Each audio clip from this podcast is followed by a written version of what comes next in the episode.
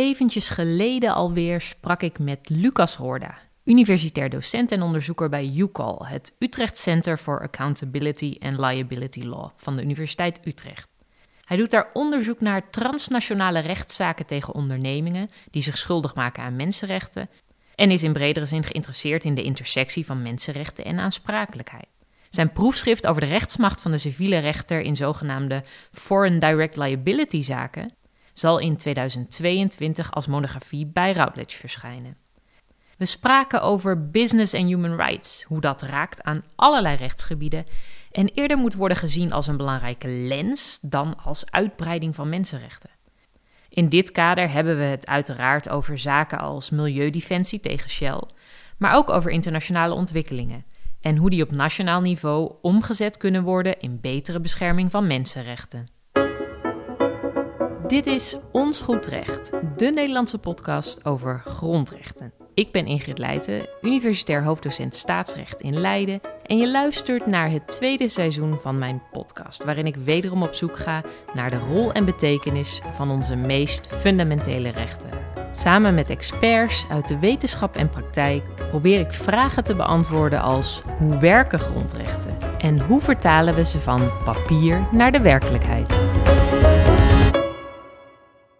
Hartelijk welkom, Lucas. Uh, fijn dat jij ja, vanmiddag met mij wilt praten over jouw onderzoek naar, naar business en, en human rights, onder andere.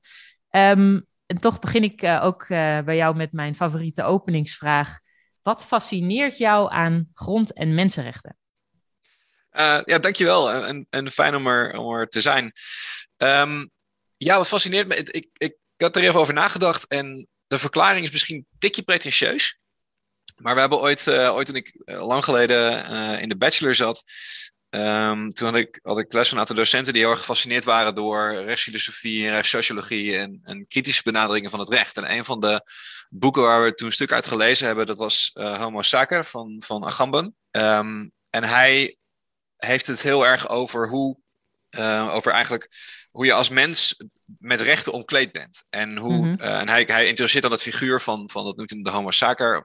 Ik weet niet of ik het goed uitspreek. Het is Latijn, daar ben ik niet zo best in.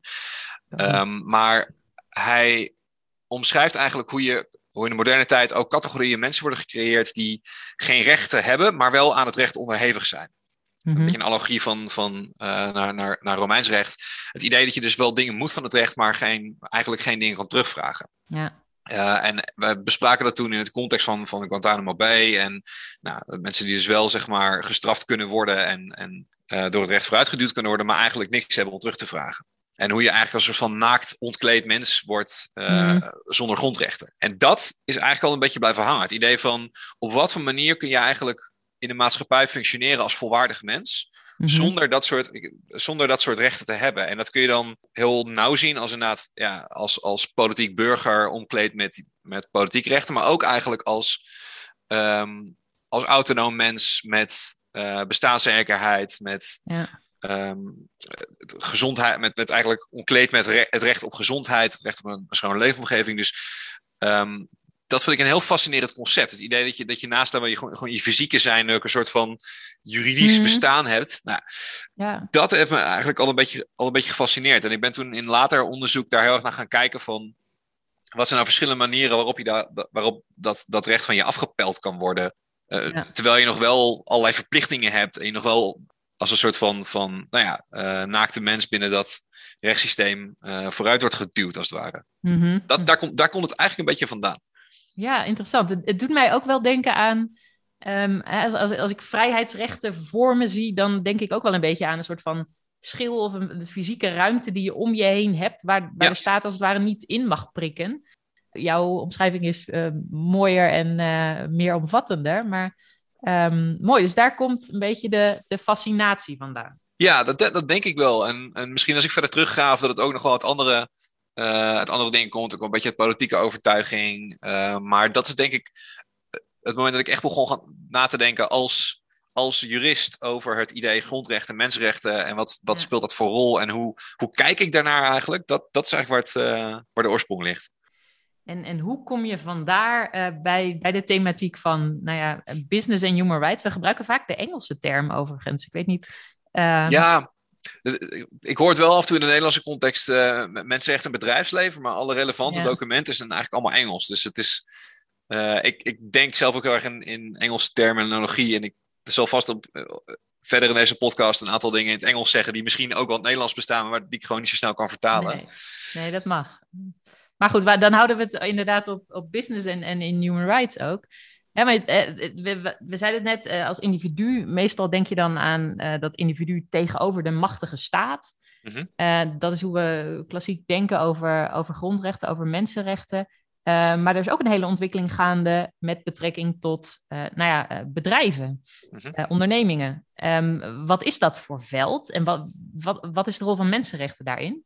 Ja, ik denk het beste om het te omschrijven um, is het niet per se als een apart veld als een, of als een apart rechtsgebied te zien, maar meer als een mhm. lens om te kijken naar hoe uh, een aantal rechtsgebieden functioneren en overlappen.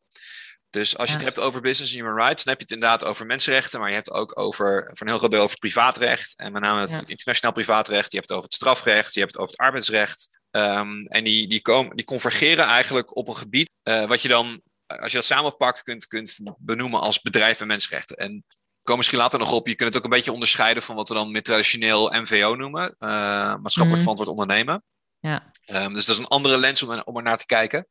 Het, het, is dus niet zozeer een apart rechtsgebied, maar echt meer een, een analytische bril eigenlijk die je opzet. En hoe je daarbij komt is, als je gaat realiseren dat, eh, even denken vanuit dat idee van die, die met rechten omklede mens. Uh, mm -hmm. En je mhm. bent pas echt een volwaardig mens in de, die volwaardig aan de maatschappij kan deelnemen als je die rechten hebt en kan uitoefenen dan kom je al vrij snel tot de conclusie dat niet alleen de staat in, uh, in staat is, uh, no pun intended, om uh, daaraan afbreuk te doen, maar ook allerlei andere actoren. En dat kan inderdaad um, ja, internationale organisaties zijn, maar dus net zo goed ook grote ondernemingen. En op heel veel plekken. En niet alleen maar als in, in de wereld, in derde wereldlanden, of wat we dan de, vroeger derde wereldlanden noemen, maar ook gewoon hier in Nederland, is de onderneming vaak veel directer relevant voor hoe jouw mensenrechten uh, fungeren en hoe, hoe je daar gebruik van kan maken, dan dat de staat dat is. En we zien, denk ik, over de laatste, nou, eigenlijk sinds de Tweede Wereldoorlog, door de economische globalisering, door de toename van internationale handel, ook gewoon uh, de groei van grote transnationale ondernemingen die zich steeds onafhankelijker van de staat bewegen. Nou ja, gezien dat Shell zegt, hey, uh, wij vertrekken nu naar Engeland tussen haakjes. En dan kijk je wat gebeurt er dan. En dan verschuiven dat regels op papier en verschuift er een belastingregime. Maar ja, al die mensen die mhm. hier in Nederland werken, misschien op een enkel lid van de board na, die blijven hier gewoon werken. Dus er is fysiek niet zoveel veranderd. Maar plotseling is Shell een Engelse onderneming. Wat, wat is dat? Ja, dat is een onderneming die zich los beweegt van de fysieke grenzen die, uh, die, staten, die staten trekken. Um, en daardoor dus ook op een hele andere manier impact kunnen hebben op die mensenrechten dan, uh, dan staten dat hebben. Ja, maar zeker niet minder. Dus het is inderdaad een beetje. Komt voort dat, het, dat we beseffen dat het een illusie is dat die macht alleen maar van de staat komt. Nou, ik denk meteen inderdaad ook aan, aan big tech en aan, aan Facebook en ja, zeker. Uh, internationale ondernemingen.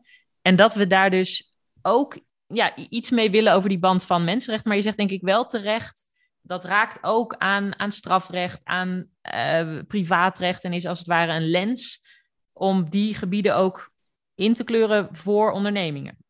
Voor ondernemingen, maar ook vooral voor iedereen die met het handelen van die onderneming te maken heeft. Dus mm de staat weer. Van, als je denkt vanuit mensenrechten, wat moet je dan als staat doen om onze onderneming enigszins in te, uh, of enigszins te beteugelen, voor zover dat kan. Uh, als slachtoffer van een bepaalde mensenrechten. Wat voor rechten heb je, waar kun je die eigenlijk uitoefenen?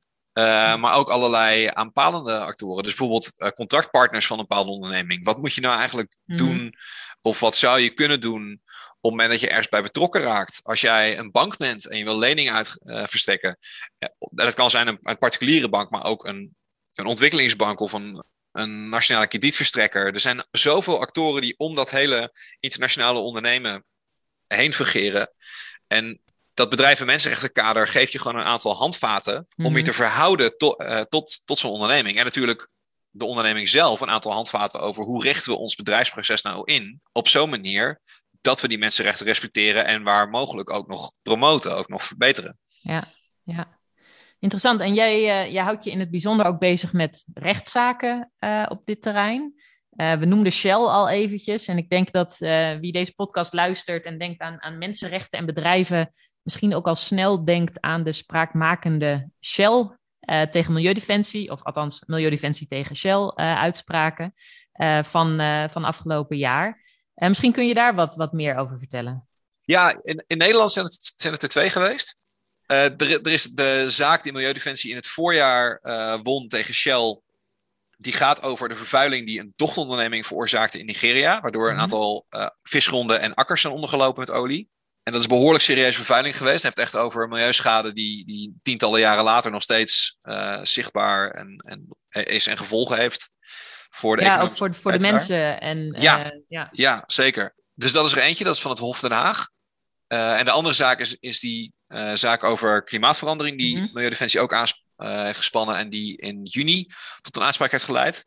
En dat gaat eigenlijk over de verplichting die Shell heeft om haar eigen uitstoot tegen te gaan en ook te zorgen dat zowel ondernemingen waar zij producten van afneemt, als ondernemingen um, waar zij producten aan verkopen, of eigenlijk überhaupt hun klanten, om daar ook de uitstoot aan tegen te gaan. Dat was nogal een, een uh, verregaande mhm.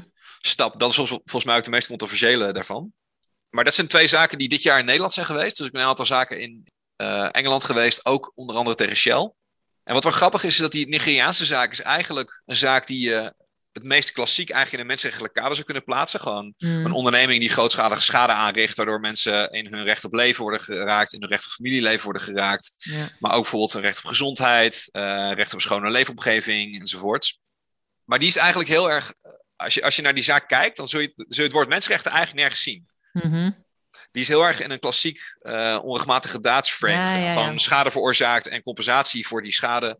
Um, en dat is precies zo'n punt waar je um, niet zozeer direct vanuit een mensenrechtelijk oogpunt kijkt, maar echt vanuit ja. een privaatrechtelijk oogpunt. Waar allerlei IPR-vragen spelen over welke rechter heeft hier uh, bevoegdheid om het over te zeggen. Wat is het toepasselijk recht? Uh, nou, het is een zaak die in, in Nederland is uitgevochten, maar gaat over Nigeriaanse ja. feiten. Dus het is Nigeriaans recht waaronder het plaatsvindt.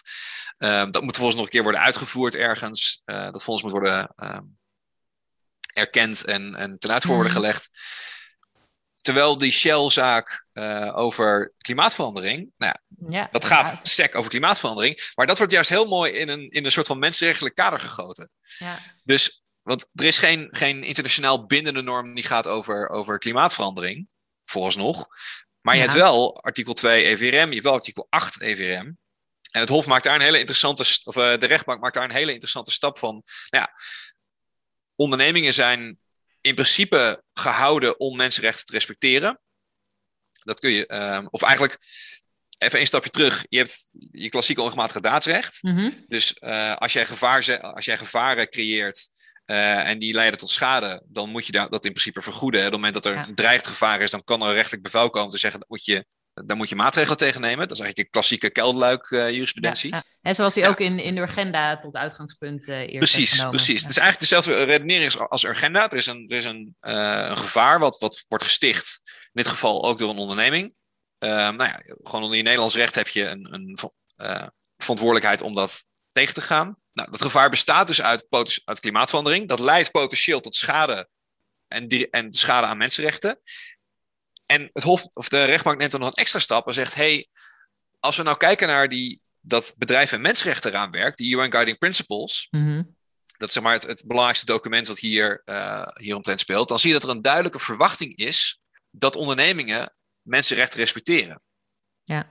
Nou, de schade aan die mensenrechten bestaat dus eigenlijk, wordt ingevuld aan de hand van, van uh, het Paris Agreement, uh, wordt ingevuld aan de hand van klimaatschade. Dus eigenlijk is de stap, van Paris naar, de guiding, of naar mhm. artikel 2, naar de Guiding Principles. Daar volgt een bepaalde verwachting uit die maatschappelijk aan ondernemingen wordt opgelegd. Ja.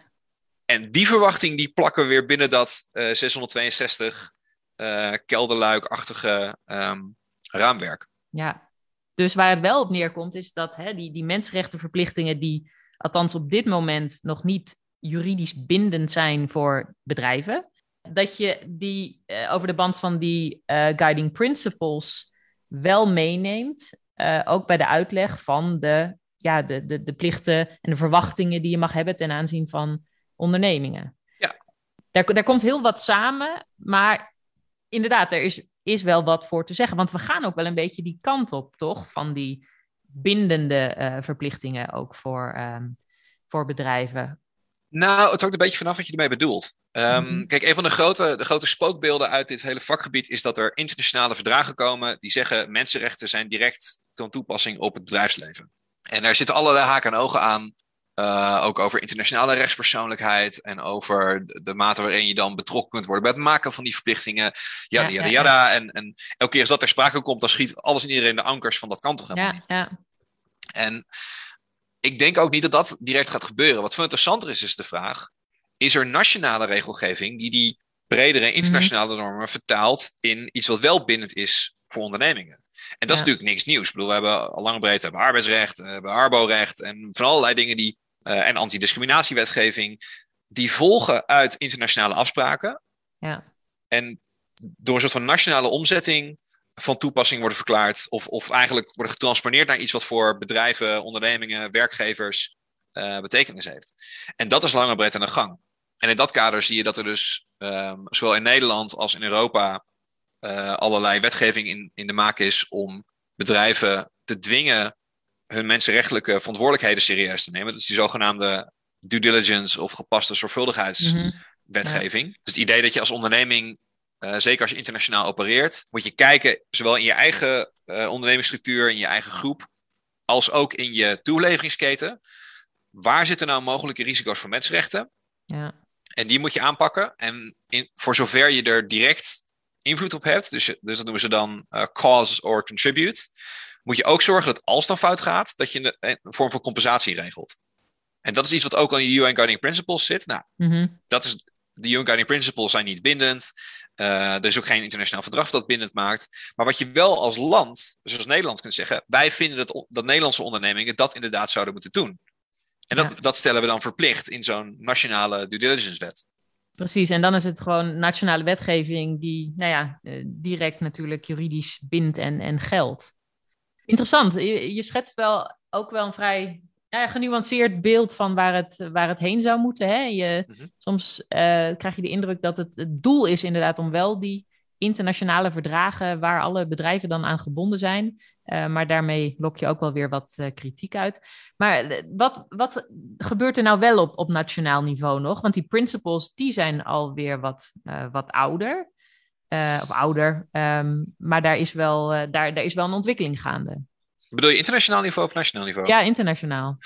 Um, nou, er is nu een lopend, uh, een lopend proces om inderdaad tot een verdrag te komen over uh, bedrijven en mensenrechten. En dat was ook precies zo'n punt toen dat begon. Toen was die discussie over directe verplichtingen eigenlijk op zijn hoogtepunt. Uh, de Guiding Principles doen heel expliciet afstand van het idee dat er directe verplichtingen moeten zijn. Van wanneer zijn die ook alweer? 2011. Ja, ja oké, dat valt nog wel mee eigenlijk. Ja, en misschien is het goed om heel, heel klein stapje terug te gaan, want ik noem, noem ze een paar keer, maar het is goed om even te herhalen. De guiding principles zijn niet bedoeld als een verdrag wat iets nieuws creëert. Het is een, mm een en daarmee is het guiding principles, het is een, een principedocument en het vertaalt eigenlijk bestaande mensrechtelijke regels in iets wat betekenis heeft voor het probleem ondernemingen en mensenrechten. Ja. Dus het, het, uh, het, het, is een restatement eigenlijk. De, um, en het maakt wel duidelijk wat zijn nou de verhoudingen tussen staten, ondernemingen en slachtoffers rond dit probleem. Wat is de specifieke rol van iedereen? Hoe verhouden die zich tot elkaar? Hoe klikt het ook weer in elkaar? Dus het zet eigenlijk meer zo van. Het, zet het, debat, het geeft het debat een beetje contouren. Omdat het natuurlijk niet bindend is en omdat het ook nog best wel open is en geïmplementeerd moet worden, um, is al vrij snel een soort van um, tegenbeweging gekomen die zei: ja, maar eigenlijk moeten we gewoon een, bindend instrument mm. hebben. Dus in 2014 is daar een resolutie over aangenomen in de VN-Mensenrechtenraad. En sindsdien is er een proces van een VN-werkgroep om tot een bindend verdrag te komen. De eerste varianten daarvan, de eerste documenten die eruit kwamen, die wezen nog een beetje op toch directe verplichtingen. Maar dat is al vrij mhm. snel eigenlijk weer van tafel geschoven. En wat je nu ziet, is dat verdrag steeds meer begint te lijken op een document wat de UN Guiding Principles eigenlijk verplicht verklaart. Mm Ook weer met allerlei haken en ogen. Want op sommige punten gaat het, uh, het document gaat wat verder. Op andere punten gaat het misschien net ietsje minder ver. En het is volgens nog ook echt een, een hele vroege fase. Dus er zijn een aantal van die draft documents zijn uitgekomen. Maar een aantal grote landen die zijn nog steeds niet formeel in onderhandeling. De EU heeft bijvoorbeeld ook nog formeel geen eigen positie. Die hebben wel een aantal stukken aan input uh, aangeleverd, maar die zijn nog geen formele onderhandelingspartij. Dus we zijn nog echt al jaren verwijderd van een definitief verdrag. Ja. En er is nu ook weer ook allerlei tegenstand, ook, ook deels vanuit de academische wereld. Die zegt, ja, jullie proberen veel te gedetailleerd te zijn, veel te veel in één verdrag te proppen. En het, zorgt alleen maar voor, voor mhm. frictie en het gaat helemaal niet werken zo. Dus het is even aankijken hoe dat nu verder gaat. Maar dat is nu wat er gaande is. Ja, precies. En jij ziet het dus ook wel uh, in de toekomst uh, misschien wel een keer van komen, dat verdrag. Maar het is nog een beetje de vraag hoe gedetailleerd en, uh, en in welke vorm dat precies gaat zijn. Ja, dat denk, ik, dat denk ik ook. En ook, kijk, dan kom ik een beetje terug op, op wat ik in het begin zei. Het is geen restgebied, het is, een, het is een lens. En als je dat probeert dan te vatten in één verdrag, dan moet je dus over heel veel verschillende rechtsgebieden iets gaan zeggen. Dus dan moet je wat zeggen over hoe er strafrechtelijk gehandhaafd wordt. Moet je wat zeggen over IPR-regels. Dan moet je wat zeggen over ondernemingsrecht. Moet je wat zeggen over internationaal publiekrecht. En wat landen zelf in, in meer administratieve situaties moeten doen. Dat zijn zoveel dingen tegelijkertijd. En ieder van die rechtsgebieden kent ook zijn eigen dogma's, zijn eigen mhm. eh, kwesties waar al in bredere zin jaren over onderhandeld en over gesteggeld wordt. En dat probeer je dan allemaal in één verdrag te proppen. Ja. Dat is echt heel lastig. Ja, en er zijn natuurlijk ook heel veel, heel veel thema's die spelen. Dat gaat ook van klimaatverandering tot arbeidsomstandigheden, tot uh, vrijheid van meningsuiting. Uh, je kunt het waarschijnlijk zo gek niet bedenken. Ja, exact. En dat, zeker die klimaatkwestie is natuurlijk, dat is een soort van, van enorme extra uh, discussie die dan, dan nog eens een keer aangeplakt wordt. En we zien in die Shell-zaak dat de rechtbank, vind ik, een best wel interessante redenering optuigt uh, over hoe die klimaatkwestie ook aan mensenrechten gekoppeld is. Maar ook daar kun je wel kritiek op hebben, want mensenrechten denkt heel erg vanuit individuele belangen, mm -hmm. um, individuele compensatie, uh, ik versus de grote, de grote machthebber, of dat nou een staat is of een onderneming. Ja. En klimaat, het klimaatdebat gaat veel meer over structurele verantwoordelijkheden. Gaat ook over historische uh, ontwikkelingen, over uh, mate van verantwoordelijkheid, gedeelde verantwoordelijkheid. Dat is echt een andere manier van denken. En de vraag is of je dat wel in zijn geheel in zo'n, in zo'n mensenrechtenkader kunt schuiven. Ja, en dat is inderdaad ook wel een mooi bruggetje naar, naar het volgende punt. Hè. Als het dan een verdrag wordt, dan, dan wordt dat geen uh, nou ja, mensenrechtenverdrag zoals we dat kennen de context van die rechten is, is toch ook anders. En daar hoor je soms ook wel wat fundamentele kritiek. Ik denk een beetje op basis van wat jij al hebt gezegd, dat ik wel een beetje weet hoe je hierover denkt. Maar sommige mensen zeggen, nou ja, je moet helemaal niet mensenrechten eh, in die context van bedrijven willen toepassen. Um, net als in de klimaatdiscussie heb je daar niet andere normen, andere beginselen die misschien in zo'n context wel veel beter werken. Hè? Als je mensenrechten oprekt en als je alles wat je mooi en goed vindt uh, mensenrecht noemt, dan ondergraaf je uiteindelijk de effectiviteit ervan. Want het moet natuurlijk wel haalbaar zijn, het moet naleefbaar zijn, het moet te controleren zijn, uh, noem maar op. Ja, ik kan daar tot op zekere achter wel, wel in meegaan hoor. Um, kijk, er is sowieso de laatste jaren wat, wat kritiek op, op de eindeloos uitdijende hoeveelheid aan mensenrechten.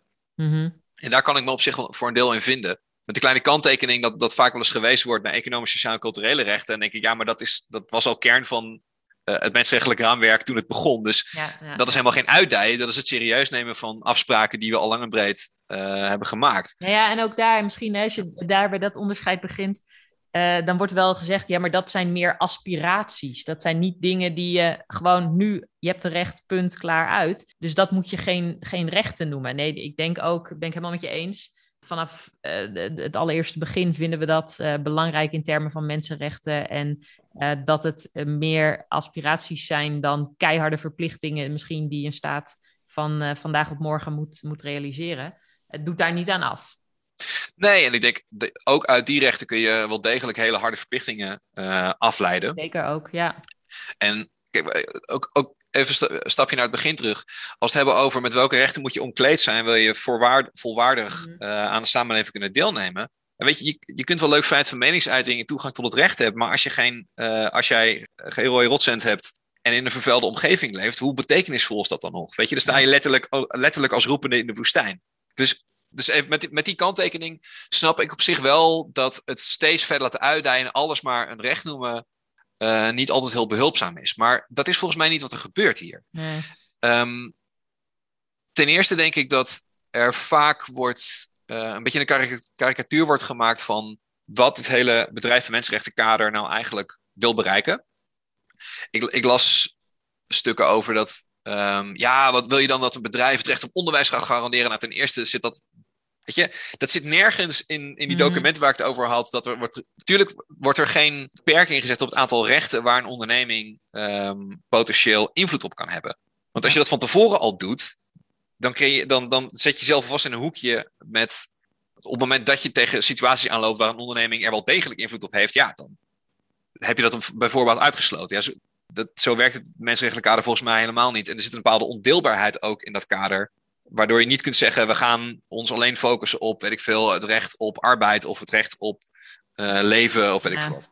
Hangt ook samen in veel contexten. Ja. Ja, en ik denk als je kijkt naar praktijk, dan zie je dat er voor heel veel rechten wel een voorbeeld is van hoe een onderneming daar direct invloed op heeft. Ik bedoel, je kunt wel roepen, ja, moet het onderneming dat recht op onderwijs garanderen? Nou, als je kijkt naar de hoeveelheid ondernemingen die betrokken zijn bij het schrijven van examens, bij het eh, überhaupt het optuigen Mhm. van onderwijs.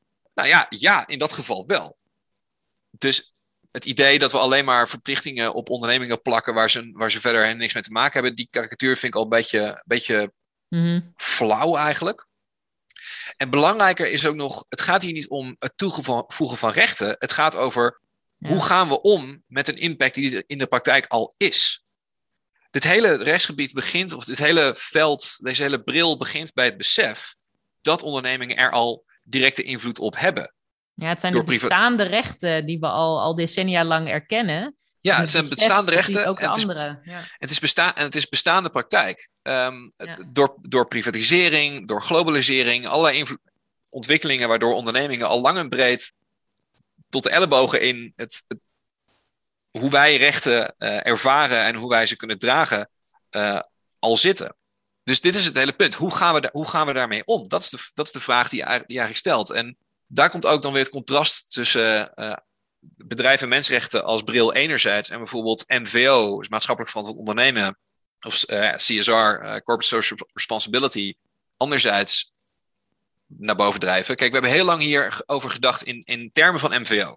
Mhm. Dus een onderneming ehm, kan zich eh, verantwoordelijker gedragen dan ze, dan ze doen. En dat noemen we dan maatschappelijk verantwoord ondernemen. De basis is een onderneming die alleen maar winst maakt. Maar als je eh, de moderne onderneming denkt breder dan dat. En, en het probleem daarvan is A, dat het denk ik niet tot, tot, tot, tot wezenlijk verandering in gedrag heeft geleid. Want dit is een bril waar we al sinds de jaren zeventig over spreken. En Mhm. we zijn nu in 2021. En B, het zet de onderneming centraal in plaats van de rechten van mensen Mhm. op wie die onderneming impact heeft.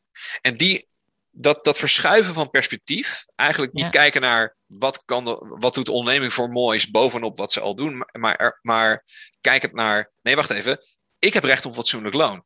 Ik heb recht op, op een werkomgeving waar ik niet dood aan ga vanwege het fijnstof. Ik heb er recht op dat iemand anders eh, die hier olie uit de grond komt pompen, niet zomaar mijn visgronden eh, ondersproeit.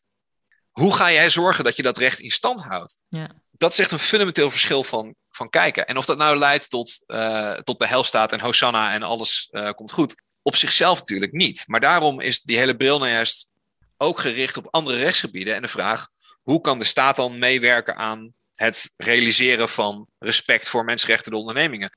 Wat voor middelen krijg ik in handen als slachtoffer om daartegen in, eh, in het geweer te komen? Hoe, ge- hoe gedragen ketenpartners van die onderneming zich? Hoe gedraagt een Mhm. bank zich? Hoe gedraagt een, een vakbond zich in, de, in, in deze discussie? Eh, enzovoort enzoverder. Het is een manier om gedrag van heel veel verschillende actoren te sturen rond, één, rond één thema. Dus ja, wat ik al zei, het, het, het, ik vind de karikatuur dat het alleen maar extra rechten pakken, vind ik niet terecht. En Mhm. ook het idee dat het op zichzelf, dat die rechten op zichzelf, of, het, of het, de bril op zichzelf alles zou moeten bereiken, ook dat lijkt me niet terecht. Nee, maar het vormt inderdaad wel een mooie, ja, een, een mooie lens of een mooi middel om nou ja, los te komen van zo'n eh, maatschappelijk verantwoord ondernemen kader en ook, ook gewoon te kijken naar het effect. Hè, naar waar, Ja. Het gaat om de burger, welke rechten heeft die en hoe worden die beschermd en hoe worden die eh, ook geschaad en nou ja, wie doet dat? Misschien nog één, één dingetje om aan toe te voegen. Kijk, ik zei net over het verdrag dat eh, als je er te veel in wil proppen, dan, dan haalt, het, haalt het eigenlijk zichzelf onderuit. En Mhm. dat is, dat is denk ik wel een belangrijke waarschuwing ook voor deze hele, dit hele veld. Of het nou over de academici gaat die ermee bezig zijn, of het nou over de NGO's gaat die dat vooruit stuwen, over beleidsmakers. ik ben zelf altijd voorstander van, van ambitieus, uh, ambitieus beleid. Ik geloof niet zo mhm. in dat uh, doe het maar rustig aan, anders dan, uh, anders dan kom je nergens. Nee, je moet weten waar je naartoe wil. En ambitieus zijn in wat je wil bereiken. Dit gaat, om, dit gaat over vrij fundamentele gedragsveranderingen. Dit gaat niet over, over of je sesamzaad of maanstad op je brood wil. Maar je moet wel, denk ik, opletten. Wat, wat kun je op welke termijn bereiken? En soms heb ik wel eens het idee dat, en dat met name vanuit de NGO-hoek, dat men alles in één keer tegelijkertijd wil oplossen. In één instrument en de verplichtingen en de remedies en dit en dat. En liever vandaag dan morgen. En liever vandaag dan morgen. En dat snap ik heel goed, want de problemen zijn, zijn serieus. Maar soms sla, wordt ook wel een beetje overgeslagen waarom dit zo gegroeid is. En waarom uh, die, die systemen in elkaar zitten zoals ze in elkaar zitten. Wat niet wil zeggen dat het zo moet blijven. Want vaak zitten er ook allerlei weeffouten in. En zitten er politieke en economische filosofieën achter. Waar je kunt zeggen, nou, dat hoeft helemaal niet per se zo te zijn. Maar het is wel goed denk ik, om begrip te hebben. Kennis te hebben van waarom werkt dit rechtsgebied zoals het werkt. En hoe kunnen we daar op een, op een effectieve manier aan gedraaien. In plaats van uh, dat we heel erg aan het luchtfietsen zijn over wat het eigenlijk zou moeten zijn, zijn ja. um, over 30 jaar. En dat willen we dan nu een incrementele aanpak dus uh, zou je aanbevelen? Of? Ja, ik bedoel, wel, wel gericht op, op een fundamentele verandering. Je wil mm -hmm. wel duidelijk hebben waar het uiteindelijk heen moet. En dat altijd uh, voor ogen houden. Hoe draagt dat je nu misschien in kleine stappen verandert bij aan ja. het, grote, het grote verhaal? De kleine stap is niet het doel, het grote verhaal is het doel. Alleen het grote verhaal ga je niet morgen bereiken. Ja, helder. Misschien nog heel eventjes terug naar die, uh, die Shell-uitspraak, uh, die tweede dan, hè, waar uh, Shell wordt opgelegd om toch een bepaalde reductiedoelstelling te bereiken. Ik hoorde aan de ene kant vanuit mijn eh, staatsrechtelijke netwerk wel de reactie, nou ja, dit, dit gaat minder ver dan Urgenda, want nou ja, hier heb je minder het conflict tussen de rechter die de wetgever wat oplegt, et cetera. Je gaat het een rechter die iets zegt over de verantwoordelijkheden van bedrijven. Tegelijkertijd hè, met die, die stap van dat toepassen van die mensenrechten is het natuurlijk wel een bijzondere en in dat opzicht ook wel nou ja, vergaande uitspraak. Wat, wat gaat er gebeuren? Want uh, deze zaak is nog niet helemaal ten einde. Uh, en wordt dit ook opgevolgd elders? Ja, oh jezus, dat is een hele goeie. laat, ik eerst even ingaan op die, die, die controverse over hoe ver dit nou eigenlijk gaat. En mm. um, ik snap op zich wel dat, dat, dat een hoop mensen naar ankers gaan van het idee dat een onderneming zo'n directe verplichting krijgt. En niet alleen maar voor zichzelf, dat is natuurlijk al één ding. Uh, maar ook ten aanzien van afnemers en, um, en contractpartners. Ja. Ja. En mijn tegenvraag is altijd: oké, als je afspraken maakt daarover, en die UN Guiding Principles zijn zo'n afspraak, en daar zijn ook allerlei, niet, niet specifiek op Shell gericht, maar op andere sectoren allerlei afspraken, uh, noemen we dan de INVO-convenanten, um, dat ondernemingen zich inderdaad moeten inspannen om respect voor mensenrechten te creëren, ook in, in hun keten. Ja. Moet je dat dan maar niet meenemen op het moment dat het, dat het in concreto in een zaak wordt aangekaart. Moet je het dan maar, moet je het dan maar negeren. Ja, ja, ja. Weet je, we hebben, eh, als het zou gaan, en dat is natuurlijk het probleem met, klimaat, met die klimaatkwestie, dat het zo ontastbaar is. Zo, uh, zo onzichtbaar eigenlijk. Dus we, we, zien de rapporten en we zien uh, de, de grafiekjes enzovoorts. Maar we zien niet letterlijk een, een, een kledder olie. En als je het zou conceptualiseren als Shell verkoopt een product wat uh, gewoon 40% de grond, op de grond lekt. En dat kun je hier zien in Moerdijk. Hier ligt een plas olie. Ja, en hier in Nigeria ja. ligt een plas olie. En iedere keer dat je in een auto stapt, uh, dan laat je een spoor van druppels olie achter. In zo'n situatie durf ik te garanderen dat deze uitspraak. En stel dat de uitspraak zou zijn: nou, Shell moet dus zorgen dat er letterlijk minder olie op de grond klettert. Als je het zo zou kunnen zien, garandeer ik dat het minder controversieel zou zijn. Dat je veel duidelijker hebt wat, nou, wat er nou precies aan het gebeuren is. En die klimaatzaak is, is, in mijn beleving echt niet zo heel veel anders. We hebben een, uh, een heel duidelijk raamwerk, gewoon überhaupt het, ons, ons Nederlands onrechtmatige daadsraamwerk, dat zegt, ja, weet je, als jij schade veroorzaakt, dan heb je dat te vergoeden. We hebben een heel duidelijk ja, meetbaar resultaat en een contributie van een grote vervuiler, namelijk Shell. Alleen omdat we het niet zo heel duidelijk voor ons kunnen zien, wordt het gelijk zo'n heel groot conceptueel ding van de bijdrage aan klimaatverandering. Mm -hmm. Dus dat is wat ik er misschien eerst een beetje uit wil halen. En ook omdat er natuurlijk een aantal logische stappen genomen moeten worden tussen die bijdrage tot aan de directe bedreiging voor mensenrechten. Terwijl als je het spoor van kruimels zeg maar, volgt in de wetenschap, dan is de, die causale link is heel makkelijk, is eigenlijk best makkelijk te leggen. Uh, over wat voor directe, gevolgen, dat voor directe gevolgen dat heeft. Gaat dat dan stand houden in hoger beroep? Dat hangt er denk ik van af in hoeverre de rechtbank de UN Guiding Principles serieus neemt. Mm dat, God, ik ga zo met elkaar. Ik, ehm, de rechtbank nam de UN Guiding Principles nogal serieus. In hoeverre het Hof dat ook gaat doen. Ja, Ja, want ja.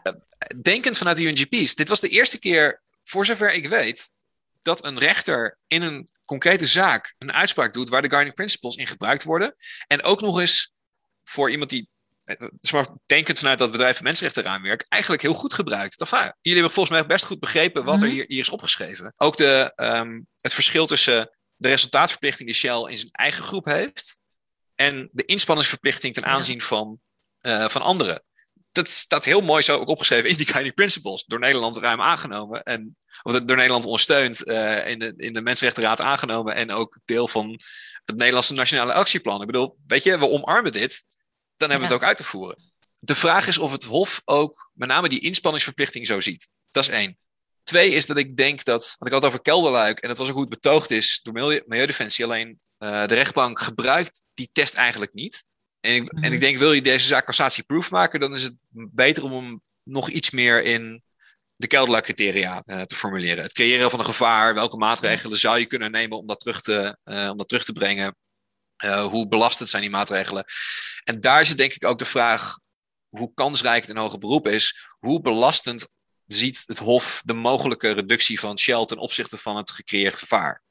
Ja. En dat is een balans die, ja, ik kan niet zo goed voorspellen hoe daarnaar gekeken wordt. Ik denk met de. Urgenda-zaak het achterhoofd is, is, is het wel een stuk kansrijker dan een paar jaar geleden. Ik denk dat rechters eh, wel daar wat bewuster van zijn geworden. Ja.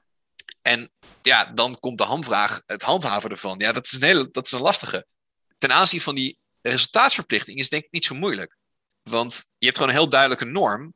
In, 20, in 2030 heb je vij- 45% te reduceren ten opzichte van 2019. En dan kun je heel lang Mhm. steggelen over hoe dat gemeten wordt en welke documenten je gaat doen. En ongetwijfeld zal Shell prima in staat zijn om in 2030 te zeggen: Nou, het is ons gelukt, kijk. En dan zal Milieudefensie zeggen: Nou, dat is gelul, want jullie doen het in de boeken zo. En nou, pardon voor dat woord trouwens. Wat veel interessanter is, is de vraag: stel dat die, dat die inspanningsverplichting in stand blijft. Hoe ga je dat in vredesnaam handhaven? Ja, ja, ja. ja. Ik heb echt, ik moet ik zeggen, ik heb geen idee. Dan zou je dus een hele lange discussie moeten krijgen, denk ik, over ehm, wanneer vinden we dit voldoende gedaan? Is iedere inspanning genoeg? Is, wat, is, wat is een redelijke inspanning? Dat is natuurlijk een super interessante discussie, denk ik, vanuit juridisch oogpunt. ja, ja, ja. Ehm, ga ik graag een artikel over schrijven met iemand. Maar ik heb daar niet zo'n heel duidelijk antwoord op. Ik moet ook eerlijk zeggen dat ik in die jurisprudentie niet zo super thuis ben. Dus dat weet ik ook eh, zo niet Mhm. uit mijn hoofd. Ja, daar, daar zit, spelen ook allerlei complexe vragen nu met die verhuizing naar, eh, naar de UK. Van, ehm, gaat een Engelse rechter die, die, die, Nederlandse uitspraak respecteren, te ja of te nee? Ja. Kijk, voor Brexit was, was, eh, het, was het Verenigd Koninkrijk deel van de, ehm, viel onder de Brussels One eh, verordening, de EX-verordening. En dan heb je gewoon automatische erkenning en ten uitvoerlegging. Geen Ja. probleem. Maar daar zijn ze inmiddels uit. Ze zijn ook geen, eh, nog geen partij bij, de, bij, de, bij het verdrag van, Luga- van Lugano. Dus je hebt geen automatische erkenning meer. En het zou zomaar kunnen zijn dat een Engelse rechter zegt: Ja, hou even, maar wij kijken toch echt heel anders naar eh, de vraag of ondernemingen ook die indirecte verplichtingen hebben. Wij Ja. zien die, die brug die de rechter slaat tussen eh, 662, Parijs, EVRM en de Guiding Principles. Mhm. Daar hebben wij toch best wel moeite mee. Ik heb geen idee, maar Nee, dat, is, dat is echt eh, super spannend eigenlijk. Ja, heel spannend. En eh, dus inderdaad nog, eh, nog wat vragen over, maar zeker wordt vervolgd. Is, is al een beetje bekend wanneer we weer iets mogen verwachten? Nou, Shell heeft inmiddels is in, is in hoger beroep gegaan. Heeft een appelschrift ingediend, voor zover ik weet.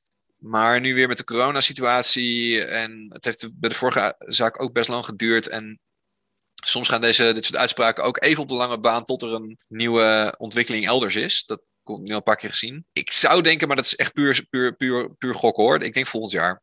Ja, we gaan het, eh, we gaan het afwachten. Ja, we gaan een beetje eh, richting een afronding. Ik denk dat je mooi eh, genuanceerd beeld hebt geschetst wel van, van business en human rights. En ook een aantal, nou ja, wat je zegt, karikaturen een beetje hebt weten onderuit te halen. Dus alvast heel veel dank daarvoor. Maar eh, zijn er nog dingen die jij nog kwijt wil? Nou ja, kijk, ik, ik kijk hier natuurlijk naar vanuit echt, echt als, als jurist. En heel klassiek eigenlijk een jurist die achteraf zegt: dit had eigenlijk anders Mhm. moeten. Dat is een beetje de rol die we vaak hebben. Ja, En helemaal omdat mijn, mijn eigen expertise is echt op toegang tot het recht. We hebben het niet heel erg over die, over die Nigeriaanse zaak gehad. En dat is een beetje eh, het type zaken waardoor ik hier ingerold ben. En dat is vaak helemaal aan het eind van de keten. Dan heb je een zaak uh, die niet, niet, in, niet in het land kon plaatsvinden waar de schade plaatsvond. Dus mensen die een rechter elders zochten. Nou, dat zijn uh, al uitzonderingen op de uitzonderingen. Dat, dat het überhaupt tot een zaak leidt is een uitzondering. Dat het dan volgens in Nederland plaatsvindt is een uitzondering. Levert juridisch allemaal interessante vragen op. Maar dat is echt een hele kleine korrel. Een hele grote woestijn van issues. En waar het wat mij betreft meer naartoe zou moeten is de vraag... hoe zorgen we dat dit hele raamwerk aan het begin van het mhm. proces veel beter geïntegreerd raakt? We kunnen lang praten over... Uh, hoeveel extra verplichtingen levert dat voor bedrijven op? Maar als je kijkt hoeveel um, zaken, een onderneming die, die een product op de markt wil brengen, al rekening mee moet houden. Milieukwesties, consumentenrecht, arbo, um, allerlei veiligheidseisen waar zo'n product in moet voldoen. Ik bedoel, als jij in de EU een product op de markt wil brengen, dan moet je door heel veel hoepeltjes springen. Ja. En of dat terecht is of niet, daar kun je lang over discussiëren. Maar dat hebben we redelijk geaccepteerd dat dat nodig is om allerlei belangen te beschermen. Van ons, van werknemers. En wat ik nou mooi zou vinden is als we in staat zijn om dat mensenrechtelijk kader al in dat ontwerpproces te integreren. Dat je op, mhm. dat je op, op bij bestuurs- en organisatiewetenschappen, um, dat je bij ja. uh, voedselwetenschappen, uh, agricultural sciences, maar de plekken waar een productieproces ontworpen wordt, ja. dat het daar al ingepept wordt. Dat je als, dat je als manager uh, of als ondernemer niet alleen maar denkt naar wat, wat, wat is de winstgevendheid hiervan, maar wat is de toekomstbestendigheid hiervan. Ja. Um, dat het gewoon een integraal deel wordt van je, van je ondernemingsproces. Dan zijn we denk ik echt dingen aan het bereiken. In plaats van dat we alleen maar aan het einde de, de schade aan het opruimen zijn.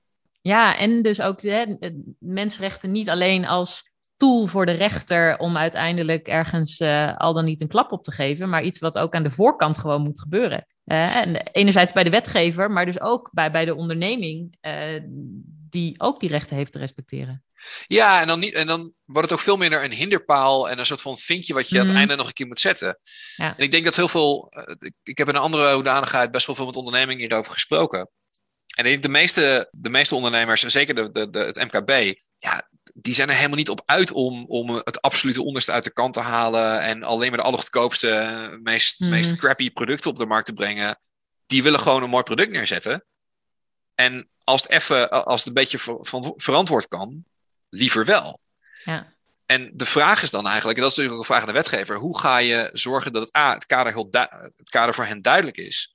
En dat je ook de omstandigheden creëert waarop ze, dat, waarop ze dat kunnen doen. En dus niet weggeconcurreerd worden door die paar piraten die proberen er wel met de goedkoopste en, en meest crappy omstandigheden tussendoor te komen. En als je dat creëert, dan creëer je volgens mij ook veel meer een draagvlak voor op het moment dat het wel misgaat, dat je zegt, maar nou heb je ook echt schade te betalen en, en, en boete te doen. Want dan heb je namelijk alle gelegenheid gecreëerd om het wel goed te doen. Ja. Op zo'n manier iedereen ervan profiteert. En als het dan nog misgaat, ja, oké, dan weten we je te vinden. Ja. En nu zitten we toch, denk ik, te vaak alleen maar aan die achterkant. En mhm. dat is voor de slachtoffers al niet, niet, goed, want dat levert heel veel barrières en drempels op. En dat kost ongelooflijk veel moeite en geld voordat je überhaupt eigenlijk bij een rechter terecht kan. En mm zelden er eigenlijk uithaalt wat je, wat je, waar je recht op hebt. En ook, denk ik, voor, uh, voor ondernemingen niet goed. Helder. mooie takeaway uh, aan het einde van dit gesprek. Heel erg bedankt, Lucas, voor je tijd, uh, voor de inkijkjes. We wachten met spanning af natuurlijk wat er met Shell gaat gebeuren, maar ook met, met business en human rights in bredere zin. Dank je wel. Graag gedaan. Dit was Ons Goed Recht. Heel graag tot de volgende aflevering.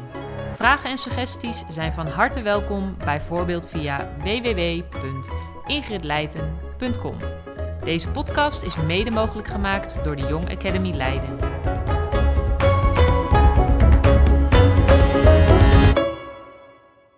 Je luisterde zojuist naar een van de laatste afleveringen van het tweede seizoen van Ons Goed Recht.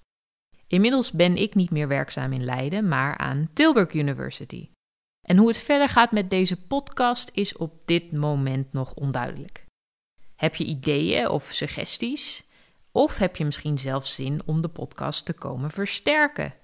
Achter de microfoon of achter de schermen, zodat we een derde seizoen mogelijk kunnen maken? Laat het weten en stuur me vooral even een berichtje.